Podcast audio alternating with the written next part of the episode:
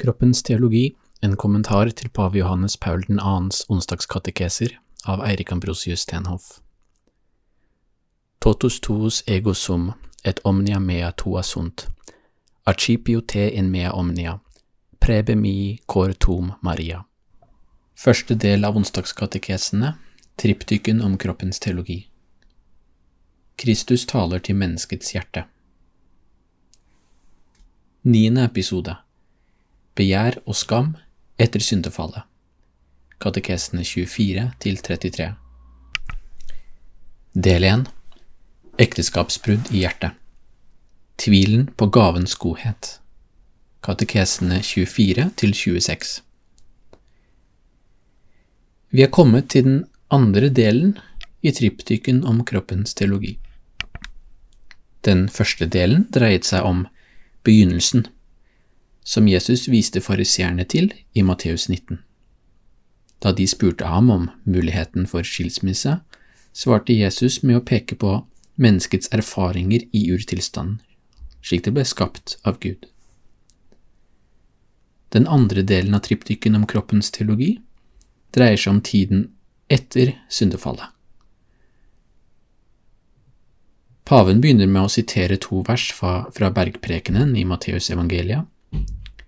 Sitat Dere har hørt at det er sagt, du skal ikke bryte ekteskapet. Men jeg sier dere, den som ser på en kvinne for å begjære henne, har allerede begått ekteskapsbrudd med henne i sitt hjerte. Sitat slutt. Det var fra Matteus evangeliet 5, 27 og 28. Flere av Jesu utsagn i bergprekenen innebærer, som vi vet, en grunnleggende endring i måten å forstå moralloven på i Det gamle testamentet. Jesus vil ikke bare stramme inn den gamle loven, eller stramme opp israelittene, men gi loven dens fulle og indre mening. Som han selv sier, er han ikke kommet for å oppheve loven, men oppfylle den og på samme måte kaller han tilhørerne til å overgå de skriftlærdes og fariseernes rettferdighet. Johannes Paul 2. følger Max Scheler, den tyske filosofen, i å kalle bergprekenens etos, altså moralitetens indre form, for et vendepunkt i menneskets historie. Menneskelig moral, sier paven, har ikke bare med å oppfylle noen lover og regler å gjøre, men om å oppfylle selve menneskets mening. Det er altså en etisk og en antropologisk mening, som han sier. Da fariseerne spurte Kristus om skilsmisse i Matteus 19, viste han som sagt til begynnelsen. Også i bergprekenen snakker han om ekteskapet, og her om ekteskapsbrudd.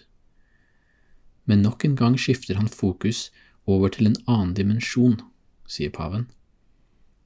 Og igjen har han ikke bare sine umiddelbare tilhørere på berget, men alle mennesker i tankene.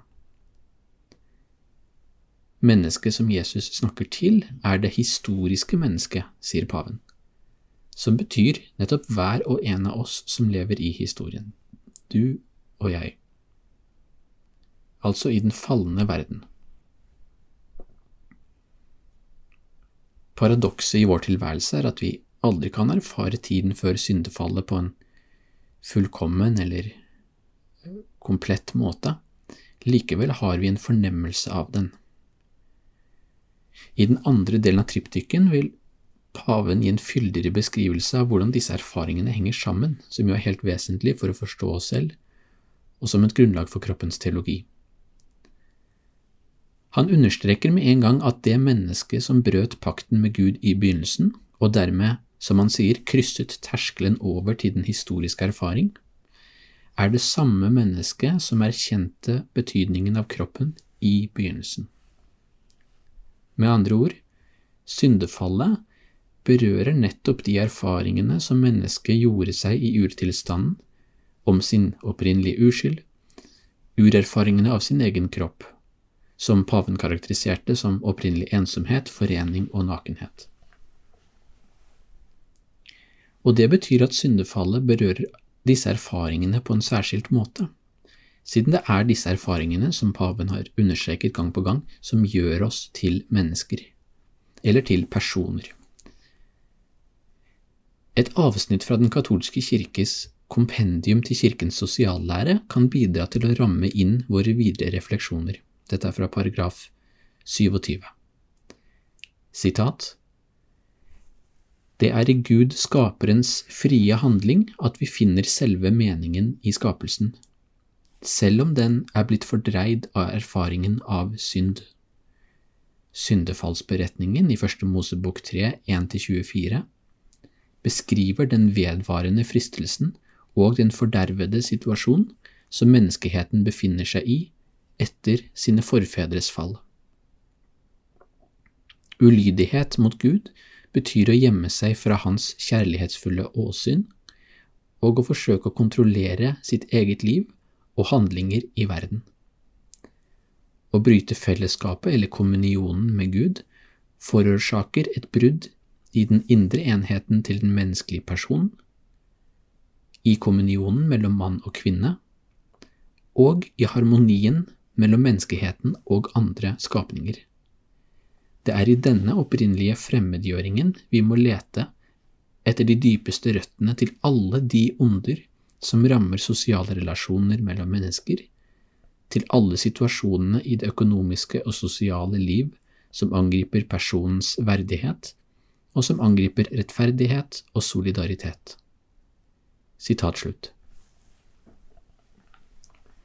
I dette fyldige avsnittet, som både er en parafrase av syndefallsberetningen og en beskrivelse av menneskets situasjon i verden, inklusive dets politiske og økonomiske horisonter, finner vi en klar formulering av syndefallets mangfoldige konsekvenser. Fallet griper rett inn i menneskenes liv, der hvor vi er mest sårbare, i kjærligheten og den communio, altså de relasjoner vi er skapt til fra opphavet av. Dette bruddet med Gud forårsaker også et brudd inni oss selv, som dokumentet sier, i relasjonene mellom mann og kvinne og mellom menneskene og dyrene. Og det er de to første bruddene som særlig er gjenstand for pavens analyse av Matteus 5, 27 og 28, og de er nært forbundet med hverandre. For bruddet mellom mannen og kvinnen, som er uttrykt fremfor alt gjennom skammen over egen nakenhet, begynner i bruddet som finnes i hvert enkelt menneske, altså på det personlige nivået. Nettopp i det begjæret som Jesus beskriver i bergprekenen. La oss nå se nærmere på hva paven sier om dette begjæret og denne skammen. For det første må vi fremheve at for ham har Jesu ord om begjær og ekteskapsbrudd i hjertet ikke bare en etisk dimensjon, men som vi sa, også en antropologisk dimensjon. Ordene i bergprekenen er radikale for ekteskapsbruddet som realitet viser til et brudd med selve Guds skaperplan.